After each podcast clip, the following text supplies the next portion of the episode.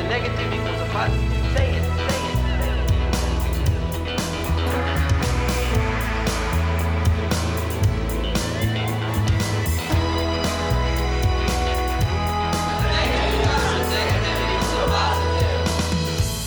Why? Det här är fortsättningen från avsnitt 6 som handlar om extra anpassningar i skolan. Exakt, vad kul. Spännande. Ja, vi hann ju ingenting på förra avsnittet. Hur ska vi få med allt det här på ett till avsnitt bara? Ja, vi får prata jättefort. Ja, exakt, exakt. Ja, eh, men vi fortsätter. Om ni inte har lyssnat på det tidigare avsnittet, gör gärna det. Ja, Mm. Så vi fortsätter egentligen därifrån. ja. Mm. Vi kommer ta, fortsätta med olika anpassningar. Eh, vi kanske börjar då direkt. Mm, sätt igång. Kör Cissi. Eh, vi pratade förut om hur man kan eh, lägga upp dagen och eh, anpassningar i förflyttningar och sådana saker, tid, bla bla Ja, bla. mentorsroll. Mentorsroll. Nu går vi in lite mer detaljer. Hur Mm. anpassar man uppgifter, prov och så vidare. Okej, ja men då tänker jag så här. Vad behöver våra elever när de sitter där på lektionen i klassrummet och ska jobba med till exempel matte som jag undervisar i? Eh, vad behöver de? Först går, in på lite, går vi in på lite ah, basic. Vi, vi, vi kör. Tydliga instruktioner i vad de ska göra. Till exempel i uppgiften så okej, men du ska läsa det här. Ja. Eh, då kanske de har fått ett papper, artikel, de här sidorna. Konkret, det här ska du läsa. Sen så vill jag att du ska svara på de här frågorna. Om, som han, som kom, ja, där du kan hitta svaren i texten. Så. Och även med så här kryssrutor när du är klar, vad gör du sen? Eller vi säger bara i matematiken så gör, kan man göra en sån lista. De här uppgifterna ska du göra och så finns det en liten ruta där du bockar av som elev. Nu är jag klar. Och det är ju också en känsla av att då har jag kommit någon vart så att man inte bara står och stampar. Det, oftast möter vi elever som kan tänka, nej men jag kommer ingen vart och det är så mycket, det är så mycket text, det är så många tal jag ska göra. Och då brukar det hjälpa med en sån liten, bara enkel krysslista där de kryss- kryssar, jag är klar med den här uppgiften. Och det kan ju vara, i ett kapitel kan det vara, jag ska göra fem tal i det här kapitlet och sen kryssar jag klart. Eller man kan också göra ett tal, jag kryssar att jag är klar. Det, Exakt. Det beror ju på behoven. Ja, och så jobbar jag jättemycket i matte och matte är ju ganska eh, tacksamt ämne. På, alltså det är ju ganska tydligt liksom. Ja. Men om man ska översätta det till eh, andra ämnen som är kanske, men vi tar SO, språk, vad vet jag. Men att försöka översätta och få in det, den tydligheten i även de ämnena. Ja. Alltså få in de här att vi kryssar. Vi, nu är vi klara med sidan 43. Eller, ja, eller på med eh, hållbar utveckling, inte jag. Eh, och så kan vi kryssa av det. Ja, och vi tänker också ofta som lärare så här, ja, de ska läsa tre sidor och sen svara på frågor. Men de här tre sidorna kan ju vara övermäktiga att läsa för en elev som har lite svårigheter. Man kanske har språkstörning eller dyslexi. Och då kan man ju också förenkla en sida i taget, sen kommer frågorna. Eller så kan man göra som ett litet häfte och då förenklar man ännu mer att man har ett kort stycke, bara några meningar och så kommer frågan direkt och så kommer ett nytt stycke och så blir det ett häfte som eleven jobbar i. Det har vi märkt är väldigt effektivt för elever som inte klarar av eh, mycket text. Mm. Ja, det där är ett superbra exempel. Eh, man kan ta ett videoklipp från Youtube eller vad som helst och så inte för långt och så lite stödord på det videoklippet till eleven. Mm. Det är också bra tycker jag.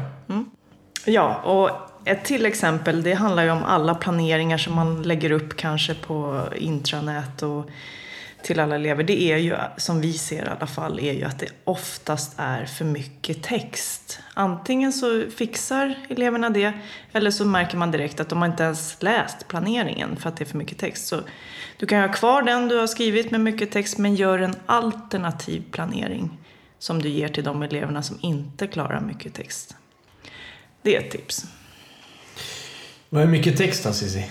Ja, om jag tänker själv då, som jag ofta ser, för nu blir det att man tittar med elevernas ögon. Mycket text, det är kanske två A4-sidor om ett område i historia som ska gå igenom andra världskriget. Då har du vad ska området handla om? Du har hur ska vi gå igenom det här? Hur ska du bli bedömd? Och sen kommer betygskriterierna och så vidare. Då är du uppe i två A4-sidor. Det är redan där för mycket text. Då kan man bryta ner det och göra en planering för varje delmoment. Men inte en så lång planering i början av ett kursmoment. Det, det är för svårt för många. Precis. Eh, och om jag uppfattar det här rätt då. Eh, när, när man tänker typ så här brödtext och så. Eh, tänker du att det ska mer i eh, punktform? Alltså Ja, tänka mer precis. i punktform. Ja. För då blir det liksom det blir mer luftigt. Och då blir det mer tydligt och Ja. rakt. Rakt egentligen. Ja, och man har ju ofta, det också förstår jag, att i en planering och en termin måste du ha tidsangivelse. Mellan vecka fyra och åtta kommer vi hålla på med det här. Och det kan ju också vara en sån grej för en elev som vi möter då som har särskilda behov. Det kanske inte finns en chans att man hinner det på vecka fyra till åtta. Men då ser man det att det är det jag ska hinna på. Då kan man bli stressad redan där och se, jag kommer aldrig hinna det här på de här veckorna, hur gör jag då? Och där återigen, ha en alternativ sån planering där det inte står tidsangivelser. Det är ju bara att ta bort det från planeringen. Ja, exakt. Och eh, jag tänker om, om man blir stressad och sånt och så, så bryt ner. Vad ska vi göra den här lektionen? Eller vad ska vi göra den här veckan? Eller vart ska vi vara när den här veckan är slut? Ja. Eller var ska vi vara om två veckor är slut Ja. till exempel? Så att det inte blir, ja men här ska du vara till Ja. Mm. sommaren. Utan att det blir ett mer nåbart, nåbara mål. Mm. Korta delmål.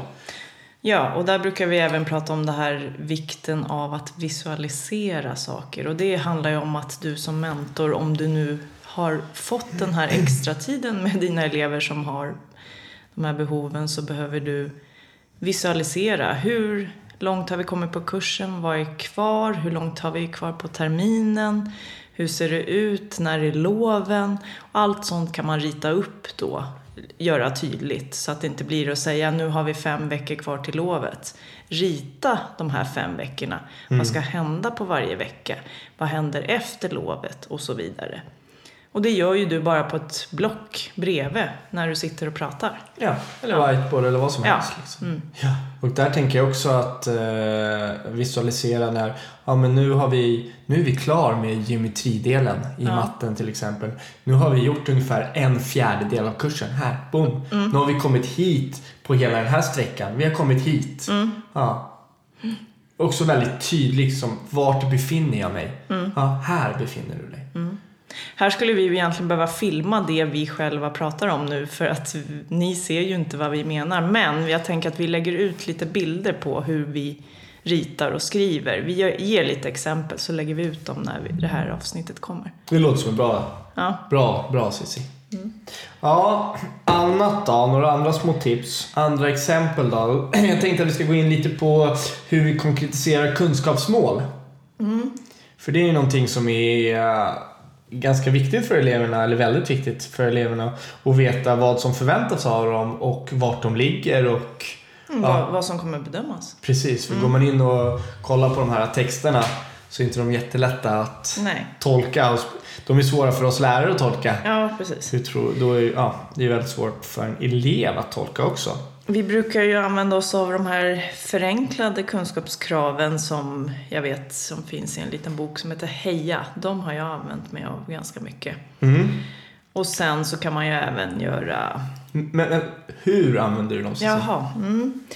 Eh, jag brukar ju i början av en kurs visa hur ser de ut och vad, vilka moment kommer vi jobba med. Och sen så tar man upp det kanske på ett utvecklingssamtal och sen även vid betygssättning så går jag igenom dem igen. Ja. Så det räcker ju inte bara att visa en gång, man måste visa flera gånger. Mm. Eh, Jag har ju också kollat och använt mig av dem själv. De har ju, det är ju en väldigt förenklad eh, ah, Version. de, en förenklad version med lite tydligare svenska. Eller vad man ska säga. Ja. Eh, det- De tycker jag funkar jättebra. Det här är ju eh, högstadiet. De kanske finns på de lägre åldrarna Ja, också. Ja. Eh, Men jag har inte hittat sådana för gymnasiet. Nej. Nej. Jag själv brukar ofta använda mig utav gamla nationella prov faktiskt. Och eh, bedömningsanvisningar där och elevexempel. Och brukar ofta säga så här, men här, för att man går in och läser de här, ja men du ska kunna med viss säkerhet och si och så och med god säkerhet och vad det nu står i de här dokumenten. Men vad är viss säkerhet? Vad är god? Vad är med, ja. Så jag brukar ofta visa elev, eller, ja, exempel. Ja, men här är en, ett, ett C-problem. Ja. Och så här förväntas det svara. Förväntas det att du ska kunna svara på det. På C-nivå, på E-nivå, på A-nivå. Och så lite sånt. För då får, får de någon typ av känsla vart, vart ribban ligger. Liksom. Och eh, jag brukar ofta tänka att ja, men när jag undervisar en ny kurs kanske till exempel. Eh, att eh, det kan vara, kan vara otydligt även för mig vart kunskapskraven är. Och självklart kommer det vara, är det osäkert eller otydligt för mig så kommer det vara väldigt otydligt för en elev. Eh. Så det brukar jag göra. Jag brukar också ofta, som jag tycker är bra, att eleverna får rätta. Sig själva? Rätta sig Ja. själva. Ja, De får en bedömningsmall utav mig. Ja. Eh, och sen får de rätta sig själv. Rätta sitt eget prov. Ja, det är ju smart. Ja, jag brukar inte låta dem rätta varandras prov. Det kan ju vara, det är ganska vanligt Det är käns- men det kan ja, bli jag, känsligt, Jag tycker ja. att det är lite känsligt sådär. Men där får man känna av hur, hur det är med klassen och sådär. Man kanske Mm. inte behöver ha namn till exempel och så. Men ja, jag brukar låta dem rätta sitt eget prov. Ja, och nu kommer jag på en annan grej som vi har glömt här. Eh, Mm. Vi har ju väldigt många elever som kan reagera på när vi säger att vi ska ha prov. Mm. Så det kan man också enkelt lösa igen, ja, så som jag har gjort, att man säger att man ska ha kunskapskontroll. Mm. Jag brukar ha när jag har NO var fjärde vecka så är det kunskapskontroll på det momentet vi har gått igenom. Och då har jag aldrig hört någon som säger nej, jag klarar inte av ett prov, jag får panik. Så bara man byter ut ordet prov så kan det underlätta för många. Då är det lite mindre laddat. Ja, Ja, och något som är väldigt laddat så är ju faktiskt nationella prov. Mm. Men det, det kan vi prata om lite senare. Jag själv eh, brukar, jag brukar kalla det prov faktiskt. Mm. Eh, och så. Och vissa är det väldigt laddat för, men jag upplever att för mig har det varit så i alla fall att många av mina elever vill ha prov. Mm. Alltså de vill ha prov för, på något sätt så blir det någonting, det blir väldigt tydligt för dem. Ja, och jag tror att det handlar om att du undervisar i matematik. Ja, För där absolut. ser man en progression och man ser, nu har jag bockat av det här. Det, är ju, ja. det, det passar väldigt bra med prov i just matematik. Ja, och sen sitter inte jag här och säger att man måste ha prov för det finns, finns många olika andra sätt att, alltså, Ja. att bedöma på. Men, men det är ett ganska enkelt och smidigt sätt och ett ganska tidseffektivt om man har många elever. Ja. ja. En anpassning som jag gör när jag har prov är ofta att jag dels så förlänger, eller förlänger tiden, jag har lång, de har tid på sig liksom. För att de kan tappa koncentrationen och så. Så att de får, vi säger att jag har ett prov med 14 problem till exempel. Eh, då brukar jag ofta dela upp det här i eh, två, tre problem åt gången. Då får inte alla, utan de, de får, ofta vill de veta hur många det är så man vet någonstans. Liksom. Ja, men här är fjol, vi, kommer ha ett prov på 14 problem. Eh, här får du de två första eller de tre första. Och så får de göra dem och sen så kan det ju hända att de har ingen kon- koncentration kvar. Det är en sån dag. De har koncentration i 10 minuter, de hann bara göra det. Vissa dagar kan de hålla koncentrationen i eh, 45 minuter. Ja, då kör man i 45 minuter. Men så jag ger dem så. Eh, Det tycker jag har varit väldigt effektivt. Jag tror, ja, min upplevelse är att mina elever har uppskattat det. Och då när de, de som inte har gjort klart då, då sparar du det och så får de göra det i ett annat Då tillfälle. får de göra det vid ett annat tillfälle, efter lunch, imorgon, på nästa, alltså, ja, exakt. Och det är ju verkligen en anpassning. Ja, för att ofta blir det ju så här att, ja men, jaha, vi gick jättebra i början av provet och sen så har du ju, Ingen energi. nej, ingen energi kvar, det är helt slut liksom. Och då kan inte jag sitta och bedöma Nej, deras mattekunskaper för att deras koncentration är slut. mm, just det. Mm. Och ifall man, det kan ju vara ett problem i en stor klass att man inte, ja men då får de se, deras klasskamrater har redan fått sett den frågan och se och så. Och då kan man ju lösa det, man har olika frågor. Men man kan också göra så att ja, men den här eleven klarar inte av att ha så långa prov så då kan man få, köra, får man köra lite tätare. De kanske får ha ett prov eller ja, test eller diagnoser om man nu ska kalla det varannan, var tredje, vart fjärde vecka istället för att ha det per alltså stort moment. Liksom. Då får du, varje moment kanske är två, tre prov. Ja. Som man ofta, när jag pluggade på matte på högskolan, det var ju ofta så här duggor. Alltså du hade ju massa småduggor hela tiden. Mm, det är en bra lösning. Ja. Ja. Någonting jag också tycker har varit ganska effektivt anpassning är eh, använda time timers. Eh, där man kan... jag läste en kurs här för några år sedan. En onlinekurs en sommar, ett och ett halvt år sedan tror jag. Eh, då kallade de den Pomodoro-teknik. Eh, och det är att man har, man, man bryter upp det i små block. Vi säger att du har en 60 minuters lektion till exempel. Så bryter du upp den kanske i 15 minuters block. Så du jobbar 15 minuter och sen vilar du 5 minuter, jobbar 15 minuter, ja sådär. Och då har du en timer så sätter du den på 15 minuter helt enkelt. Och de där 5 minuterna när du inte jobbar då ska det vara någonting där du ehm, Hämtar energi, hämtar energi. Exakt, du kanske sitter och kollar på Instagram, lyssna på musik. lyssnar på eller- musik, går, och går- tar frisk luft, går och Ja. tar ett varv. Och sen när de här 3 till 5 minuterna rasten är klar så går du tillbaka och så jobbar du 15 minuter till. Mm. Det är någonting som är väldigt effektivt tycker jag. Särskilt på längre lektioner och det pratade vi om förut. Har du ADHD och inte är medicinerad så klarar du en och en halv minut i koncentration. Precis. Så då kan du dela upp lektionen i ännu kortare pass. Ja, här får du hitta vad som passar din elev. Ja. Mm. Exakt. Det är inte 15 minuter som, eller 25 minuter. Som det, ska, det ska absolut inte vara längre än 25 minuter i alla fall. Nej, nej, nej. Nej, utan- Men det kan ju också vara en fem minuters. Det kan också vara en fem Mm. minuters. Ja, precis. Och där tänker jag också, ofta har man så här ett mål, ja, men du ska ha, sen i slutet av det här året så ska vi klara att jobba 30 minuter och så. Man behöver inte ha sådana mål alltid. Nej, Nej, utan det kanske inte du kommer nå. nej. Nej, utan det här är så du fungerar Ja. just nu. Så det är den metoden man ja, använder. det här är en effektiv metod mot dig. För Mm. dig. Ja, en annan grej som vi ofta diskuterar i olika lärarrum och på andra ställen, det är ju det här med miniräknare. Ja, exakt. Den känner man igen. Och hur tänker vi där? Jag tänker att en miniräknare är ett väldigt bra verktyg att använda för att anpassa sin undervisning. Ja, varför?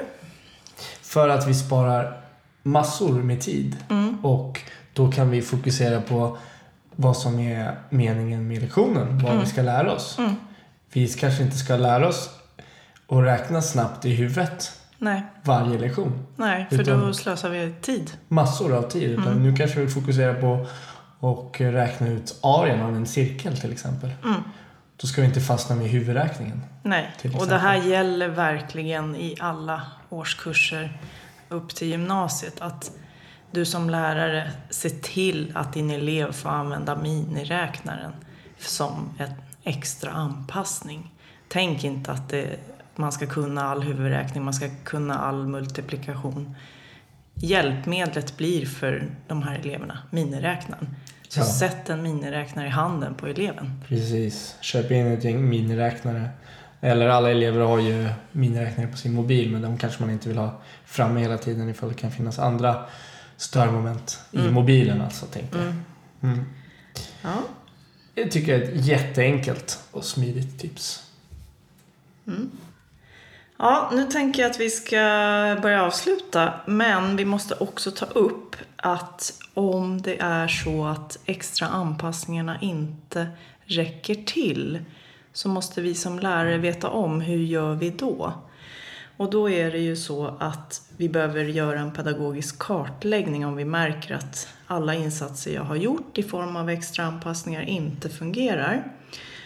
Då måste vi tänka, är det så att det krävs särskilt stöd och det kan ju till exempel vara en placering i en särskild undervisningsgrupp eller en annan form av skola. Och då måste man skynda på lite som lärare. Gör den här kartläggningen ganska snabbt. Ta hjälp av personal på skolan. Eh, specialpedagog eller vem du nu har du kan fråga.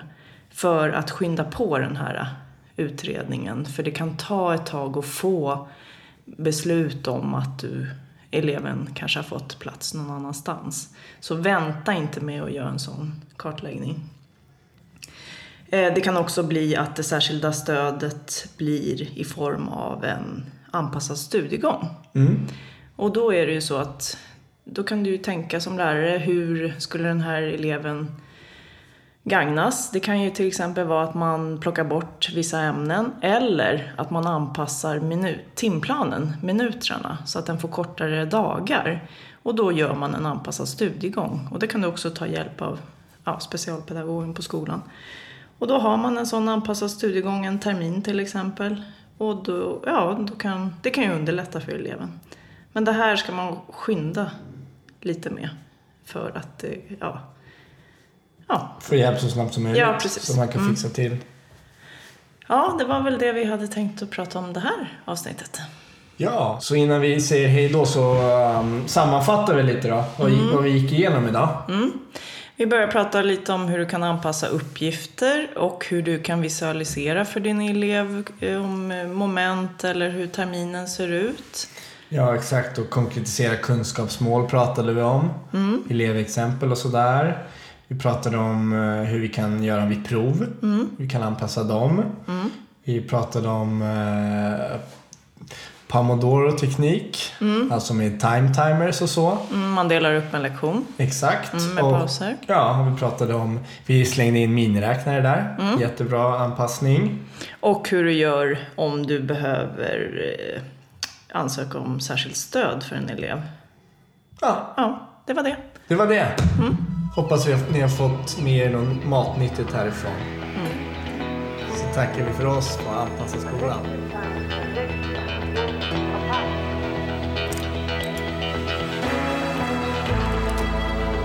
A negative times a negative equals a positive.